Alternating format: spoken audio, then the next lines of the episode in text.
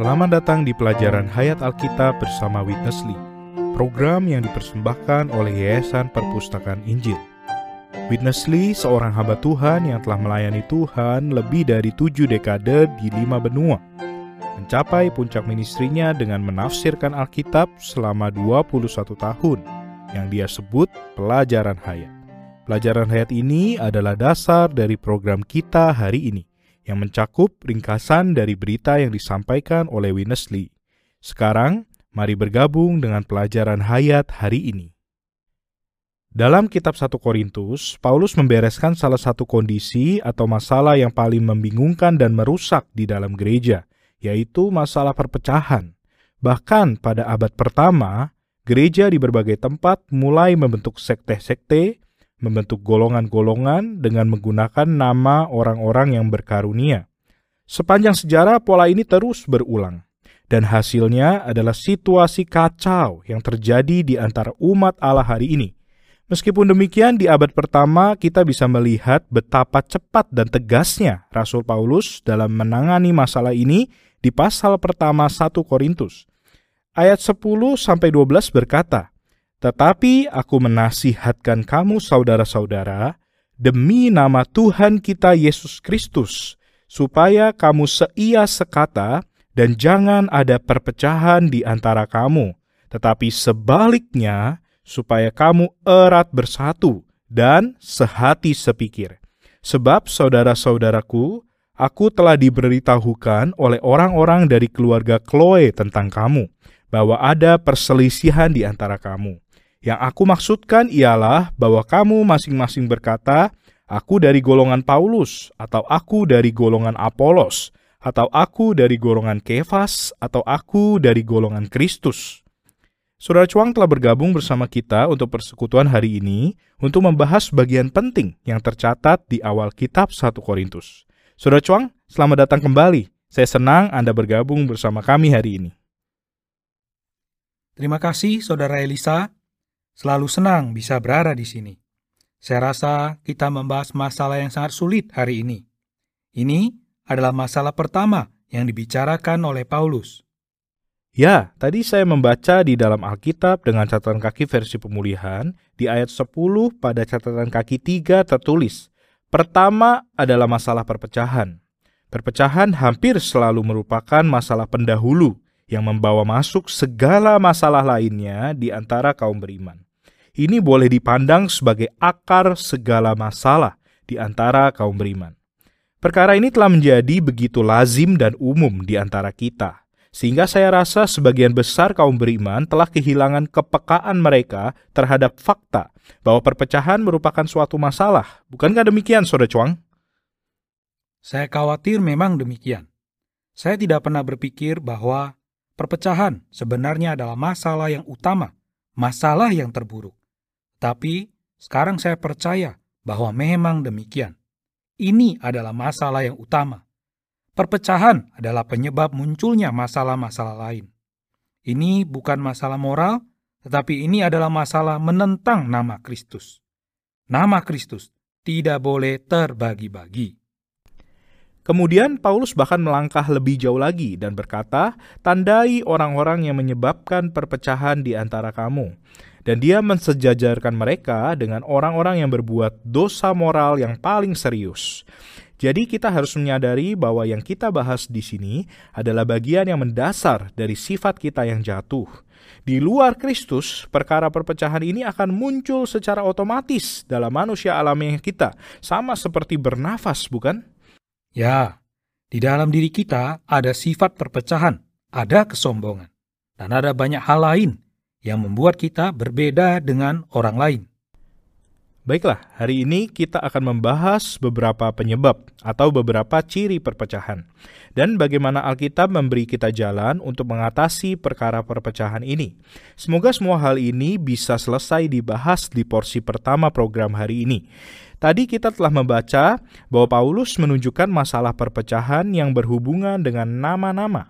Dan untuk itu saya pikir sebaiknya kita membaca Filipi pasal 2 ayat 9. Itulah sebabnya Allah sangat meninggikan dia dan mengaruniakan kepadanya nama di atas segala nama. Jadi perkara nama ini sangat penting. Mari bergabung bersama saudara Winnesley. On this subject, Di dalam pasal 1 ayat 10, Paulus berkata, Tetapi aku menasihatkan kamu, saudara-saudara, demi nama Tuhan kita Yesus Kristus, supaya kamu seia sekata dan jangan ada perpecahan di antara kamu. Tetapi sebaliknya, supaya kamu erat bersatu dan sehati sepikir. Mulai ayat ini, Rasul mulai menanggulangi perpecahan di antara orang-orang Korintus. Pertama, dia meminta kepada mereka demi nama Tuhan. Nama ini adalah nama yang melampaui segala nama. Seharusnya adalah satu-satunya nama yang ada di antara kaum beriman. Tatkala beberapa orang Korintus berkata, "Aku dari golongan Apolos," dengan otomatis mereka meninggikan nama Apolos di atas nama Kristus. Selama berabad-abad, perpecahan di antara orang Kristen disebabkan oleh praktek ini. Sangatlah bermakna bahwa dalam ayat 10 Paulus menasehati saudara-saudara demi nama Tuhan kita Yesus Kristus. Ini menunjukkan bahwa kita tidak boleh meninggikan nama apa pun melampaui nama ini. Karena itu, orang-orang Kristen tidak boleh memiliki sebutan nama apa pun. Menyebut diri kita dengan suatu nama berarti membuat nama itu lebih tinggi daripada nama Kristus. Ini suatu keaiban bagi Tuhan maupun bagi kaum beriman. Mereka tidak mempunyai perasaan malu ketika menyebut diri mereka dengan nama tertentu yang bukan nama Kristus.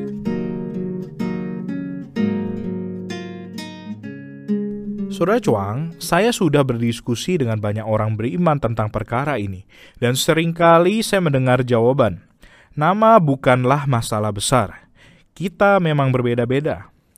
Tetapi Paulus segera membantah ketika kaum beriman di Korintus mulai menyebut diri mereka sebagai golongan hamba Tuhan favorit mereka. Bahkan jika hamba Tuhan itu adalah Paulus atau Kefas yang merupakan tokoh kunci dalam perjanjian baru. Mengapa nama itu begitu penting? Karena nama Yesus adalah nama di atas segala nama. Menambahkan nama lain sebenarnya adalah menempatkan nama itu lebih tinggi dari nama Yesus. Itu benar-benar hal yang menyedihkan. Sepertinya banyak orang beriman memiliki nama lain yang mereka sandingkan dengan Kristus. Dan kadang-kadang ketika saya berbicara dengan orang-orang ini, mereka menjawab, "Saya tidak ada maksud meninggikan nama lain." Tetapi mereka menggunakan nama lain untuk menggolongkan diri mereka sendiri. Saya percaya bahwa apa yang dijama Paulus di sini adalah bahwa nama Yesus adalah satu-satunya nama yang harus diutamakan. Nama Yesus adalah nama yang Allah tinggikan di atas semua nama. Dan dalam nama Yesus, setiap lutut harus bertelut. Jadi, kita tidak boleh menempatkan nama lain di atas nama Tuhan Yesus Kristus. Itulah indikasi pertama bahwa perpecahan benar-benar masuk ke dalam tubuh Kristus dan menjadi masalah yang serius, yaitu ketika ada nama-nama lain yang ditambahkan. Ketika saya membaca di buku pelajaran hayat, di sana ada sedikit tambahan. Saudara Winnesley mencatat fakta bahwa Petrus melakukan kesalahan yang sama di dalam Matius pasal 17. Ketika Yesus dimuliakan di atas gunung, ketika Yesus, Musa, dan Elia ada di sana, di ayat 4 Petrus berkata, Tuhan, betapa bahagianya kami berada di tempat ini. Jika engkau mau, biarlah kudirikan di sini tiga kemah.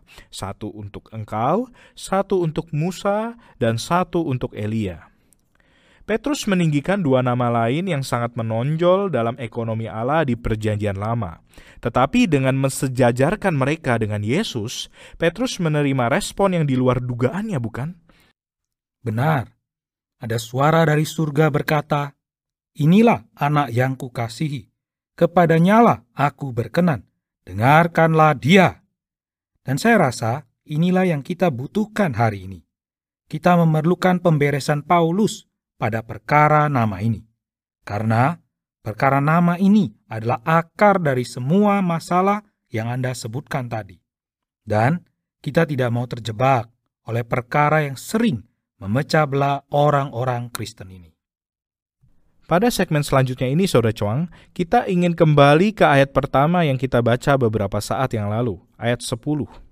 Dan di bagian kedua dari ayat itu mengatakan, Tetapi aku menasihatkan kamu saudara-saudara, demi nama Tuhan kita Yesus Kristus, supaya kamu seia sekata dan jangan ada perpecahan di antara kamu.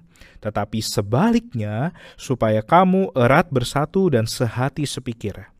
Kata erat bersatu sangat menarik di sini. Saya rasa kita akan terbantu dengan mendengarkan saudara Winnesley, terutama tentang kata erat bersatu. Mari kita bergabung bersama saudara Witness Lee. I beseech you, brothers, Demi nama Tuhan Yesus Kristus, Paulus menyuruh kaum beriman di Korintus agar semuanya membicarakan hal yang sama. Tatkala saya masih muda, ada beberapa tokoh Kristen berkata kepada saya, supaya saya jangan berharap semua orang Kristen mengatakan hal yang sama. Menurut Anda, mungkinkah kita, orang Kristen, mengatakan hal yang sama? Ketika Paulus mengatakan hal yang sama, yang ia maksudkan ialah Kristus, yaitu Dia yang disalibkan. Dalam ayat 10, Paulus berkata pula kepada orang-orang Korintus untuk erat bersatu dan sehati sepikir. Kata Yunani yang diterjemahkan erat bersatu di sini sama dengan kata yang diterjemahkan membereskan jala dalam Matius pasal 4 ayat 21. Dalam bahasa Yunani berarti memperbaiki, memulihkan, membetulkan, menambal, sepenuhnya membereskan kembali barang yang sudah pecah dengan indah sempurna menggabungkan menjadi satu. Kesaksian gereja di Korintus telah menderita kerusakan berat dan Paulus menulis surat ini untuk memperbaiki keadaan itu. Perbaikan ini juga merupakan suatu penyeteman. Kata penyeteman ini adalah istilah musik. Di antara orang kudus di Korintus tidak ada keharmonisan. Dalam menulis surat ini, Paulus berusaha memulihkan keharmonisan, menyetem mereka agar mereka dapat disenadakan dalam pikiran dan opini yang sama. Problem di antara orang-orang Korintus tidak terletak pada roh mereka. Mereka telah dilahirkan kembali dan Tuhan Yesus telah berhuni di dalam roh mereka. Problem mereka terletak pada pikiran dan opini mereka. Pikiran berbeda dengan opini. Angan-angan terjadi dalam pikiran, sedangkan opini adalah angan-angan yang diwujudkan dalam kata-kata. Jika kita hanya memikirkan sesuatu, itu adalah aktivitas dalam pikiran. Tetapi ketika angan-angan kita beralih menjadi perkataan, itu menjadi opini. Disenadakan dalam cara berpikir yang sama, yakni dalam pikiran yang sama dan dalam pembicaraan yang sama, yaitu dalam opini yang sama, tidaklah mudah disenadakan dalam opini yang sama, sesungguhnya berarti membicarakan hal yang sama. Ketika kita semua membicarakan perkara yang sama, kita berada dalam opini yang sama.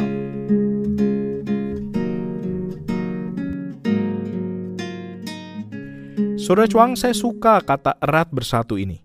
Saudara Lee menunjukkan bahwa ketika Tuhan memanggil Yohanes dan Yakobus, dua orang nelayan muda, Matius pasal 4 ayat 21 berkata, Dan setelah Yesus pergi dari sana, dilihatnya pula dua orang bersaudara, yaitu Yakobus anak Zebedeus dan Yohanes saudaranya. Bersama ayah mereka Zebedeus sedang membereskan jala di dalam perahu. Yesus memanggil mereka. Mereka adalah orang-orang yang menambal jala. Itu artinya mereka sedang memperbaiki jala yang robek. Kata menambal di sini diterjemahkan erat bersatu di dalam satu Korintus. Di dalam Matius, kata tersebut menyiratkan ada sesuatu yang robek atau rusak. Bagaimana di dalam satu Korintus? Mengacu pada apakah kata itu? Baiklah, saya percaya ini mengacu pada hal yang telah kita bahas, yaitu memiliki nama-nama lain disandingkan dengan nama Kristus. Kesatuan itu benar-benar ada di dalam Kristus dan memiliki nama-nama lain itu benar-benar memecah belah tubuh Kristus. Ini merusak tubuh Kristus, sehingga perlu disatukan kembali. Jadi, saya suka kata yang Anda sebutkan, erat bersatu. Kita perlu melihat hal yang robek ini ditambal kembali. Dan Paulus benar-benar melakukan itu di dalam surat 1 Korintus ini. Karena ini adalah akar dari semua masalah lain yang mereka miliki. Dan sebenarnya saya percaya, Saudara Elisa, hari ini akar masalah di antara orang Kristen adalah satu hal ini, yaitu perpecahan. Jika kita mau mempraktekkan keesaan, kita akan melihat perbedaan yang besar. Betapa baiknya hal itu bagi umat manusia, dan betapa mulianya hal itu bagi Tuhan jika kita hanya memiliki namanya dan tidak ada nama lain yang ditambahkan. Benar, Anda tahu bahwa Yayasan Perpustakaan Injil hanya menerbitkan ministry dua orang yang dipanggil Tuhan pada abad ke-20 yang dibesarkan di Tiongkok, yaitu Watchman Nee dan Witness Lee. Tetapi tentu saja penghargaan kita terhadap mereka tidak boleh membuat kita meninggikan nama mereka. Kita bukanlah pergerakan Witness Lee atau gereja Watchman Nee. Walaupun kita menghargai banyak pekerja Tuhan, tetapi tidak boleh ada nama yang menyaingi nama Tuhan Yesus.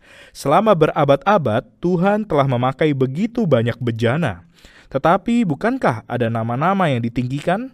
Dan ini benar-benar menjadi sumber kerusakan dan masalah pada hari ini. Kita memerlukan banyak penambalan, bukan? Benar, perlu banyak penambalan. Ada banyak situasi yang rusak. Dan ini dikarenakan nama-nama yang ditinggikan itu menyebabkan perpecahan. Dia melanjutkan dalam pasal 1 dan berkata kepada orang-orang Korintus yang terbagi-bagi ini, Adakah Kristus terbagi-bagi? Adakah Paulus disalibkan karena kamu? Atau adakah kamu dibaptis dalam nama Paulus? Aku mengucap syukur bahwa tidak ada seorang pun juga di antara kamu yang aku baptis selain Crispus dan Gaius. Jadi Paulus dengan sangat jelas di sini merendahkan dirinya sendiri karena dia sangat dipakai oleh Tuhan saat itu dalam sejarah gereja menyingkapkan wahyu ilahi dan ekonomi perjanjian baru Allah, dan mendirikan gereja-gereja di banyak tempat. Namun dia sepenuhnya melenyapkan semua pencapaiannya agar tidak menimbulkan masalah perpecahan di dalam tubuh Kristus. Mari kita kembali di sesi terakhir ini, Saudara Chuang, karena hal perpecahan ini adalah sesuatu yang kita warisi dalam sifat kita yang jatuh. Bagaimanakah kita dapat mengidentifikasi atau melihatnya? Bagaimanakah agar hati nurani kita peka terhadap hal ini? Bagaimanakah kita dapat menyadari bahwa perpecahan adalah sesuatu yang serius di dalam tubuh Kristus? Apakah yang harus kita lakukan? Saya rasa akan ada banyak bantuan di bagian terakhir ini. God is now Dalam pemulihan Tuhan, kita hanya memperhatikan Kristus. Dalam pemulihan Tuhan, Tuhan tidak memulihkan yang lainnya, kecuali Kristus itu sendiri dalam pengalaman kita. Hanya dengan memusatkan perhatian pada Kristus, barulah kita dapat diselamatkan dari perpecahan. Sifat alamiah kita semua cenderung berpecah belah. Sejak lahir kita sudah memiliki unsur pemecah belah. Jalan satu-satunya untuk diselamatkan dari pemecah belah ini ialah melihat Kristus yang al-muhid dan belajar rahasia menikmati Dia. Ingatlah bahwa jalan satu-satunya untuk menghindari perpecahan adalah melihat Kristus, menerima Kristus, dan menikmati Kristus. Ini dan hanya inilah yang dapat membuat kita disenadakan dalam opini yang sama. Jika keharmonisan ini tidak ada dalam sebuah gereja, saya tahu bahwa orang-orang kudus di tempat itu pasti belum menikmati Kristus secara memadai. Jika kita terus-menerus menikmati Kristus, di antara kita akan terdapat keharmonisan. Bila Anda mengunjungi gereja lokal lain, Anda harus buta dan tidak melihat lainnya selain Kristus.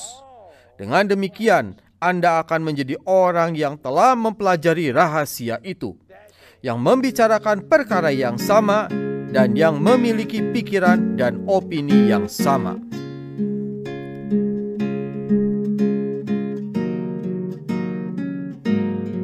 Saudara Chuang, di dalam kesimpulan Saudara Li di sini, ada rahasia yang harus kita pelajari. Sebelumnya dia mengatakan bahwa ada kunci yang harus kita lihat.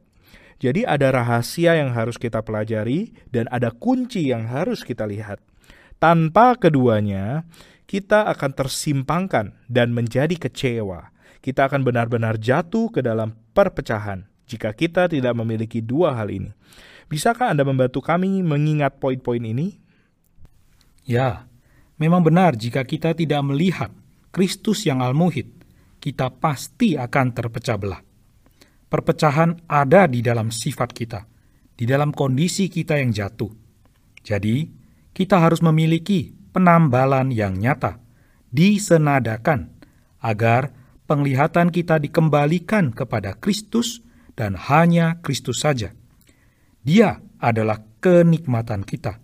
Dia adalah kepala kita. Dia adalah hayat kita. Dan jika kita berpusat hanya pada Kristus saja, kita akan diselamatkan dan kita akan dijauhkan dari perpecahan. Perpecahan adalah hal yang paling merusak tubuh Tuhan, sama seperti pada tubuh kita sendiri. Jika kita mulai memecah belah tubuh kita sendiri melalui hanya mengutamakan salah satu anggota tubuh kita, kita akan menjadi makhluk yang aneh. Dan saya khawatir inilah yang terjadi di antara kita. Ada yang mengutamakan poin tertentu yang bukan Kristus. Ada yang mengutamakan doktrin tertentu. Ada yang mengutamakan pemimpin favorit tertentu. Dan ada juga yang memecah belah melalui menempatkan nama lain bersandingan dengan nama Kristus. Ini harus kita hindari. Kita harus mencari Kristus dan kita harus menikmati Kristus. Dia itu Al-Muhid. Dia adalah segala sesuatu bagi kita. Tidak ada alasan bagi kita untuk mencari hal lain. Dan dengan cara inilah kita bisa menjaga keesaan tubuh Kristus. Saudara Winnesley merujuk pada sebuah buku yang ditulis oleh Watchman Nee yang berjudul Kehidupan Orang Kristen yang Normal, yang berfokus pada kehidupan individual kita bersama Tuhan. Kemudian Watchman Nee menulis buku lainnya yang juga luar biasa, yang berjudul Kehidupan Gereja yang Normal. Di sana dia membahas apa yang kita tunjukkan atau bicarakan hari ini. Dan saya rasa di dalam buku itulah Saudara Watchman Nee menunjukkan beberapa masalah yang paling serius di dalam gereja. Perkara perpecahan, perkara amoralitas atau percabulan, dan perkara penyembahan berhala. Percabulan dan amoralitas itu merusak tubuh kita, tetapi penyembahan berhala dan perpecahan itu merusak tubuh Kristus. Dan itulah sebabnya penyembahan berhala dan perpecahan itu sangat serius dan penting. Dan kita perlu mempertimbangkan perkara ini di hadapan Tuhan. Saya rasa kita semua harus benar-benar datang kepada Tuhan secara terbuka dan mengizinkan Dia bersinar ke dalam diri kita untuk menunjukkan sifat perkara ini yang ada di dalam daging kita, dan juga menunjukkan bagaimana hal tersebut mempengaruhi kehidupan kita dalam hubungan kita dengan Tuhan. Saya rasa kita perlu diterangi dan mau mengakui bahwa sifat alamiah kita cenderung memecah belah. Maka kita perlu menikmati keesaan, dan keunggulan yang ada di dalam Kristus. Ini akan menjaga kita. Benar, Saudara Chuang. Buku Kehidupan Gereja yang Normal telah diterbitkan oleh Yayasan Perpustakaan Injil. Anda dapat menghubungi kami untuk mendapatkan buku tersebut. Silahkan kunjungi website kami, pelajaranhayat.com. Sekian pelajaran hayat hari ini, dan terima kasih Saudara Chuang atas bantuannya. Terima kasih, saudaraku. Saya sungguh bersuka cita. Saya Elisa bersama Saudara Chuang mengucapkan terima kasih banyak kepada para pendengar sudah mendengarkan program hari ini. Selama berabad-abad, Tuhan telah memulihkan banyak kebenaran tentang tujuan dan rencananya bagi umat manusia. Alkitab Perjanjian Baru dengan catatan kaki versi pemulihan terbitan Yayasan Perpustakaan Injil bersama Lembaga Alkitab Indonesia menyajikan kebenaran-kebenaran penting ini dalam format yang mudah dipahami dan dipelajari. Di dalam Alkitab ini ada lebih dari 9.000 catatan kaki, lebih dari 13.000 ayat referensi, bagan kebenaran-kebenaran yang penting, dan peta berwarna. Alkitab Perjanjian Baru dengan catatan kaki versi pemulihan terbitan Yayasan Perpustakaan Injil bersama Lembaga Alkitab Indonesia tersedia di banyak toko buku Kristen. Atau Anda bisa mengunjungi pelajaranhayat.com untuk informasi lebih lanjut. Terima kasih.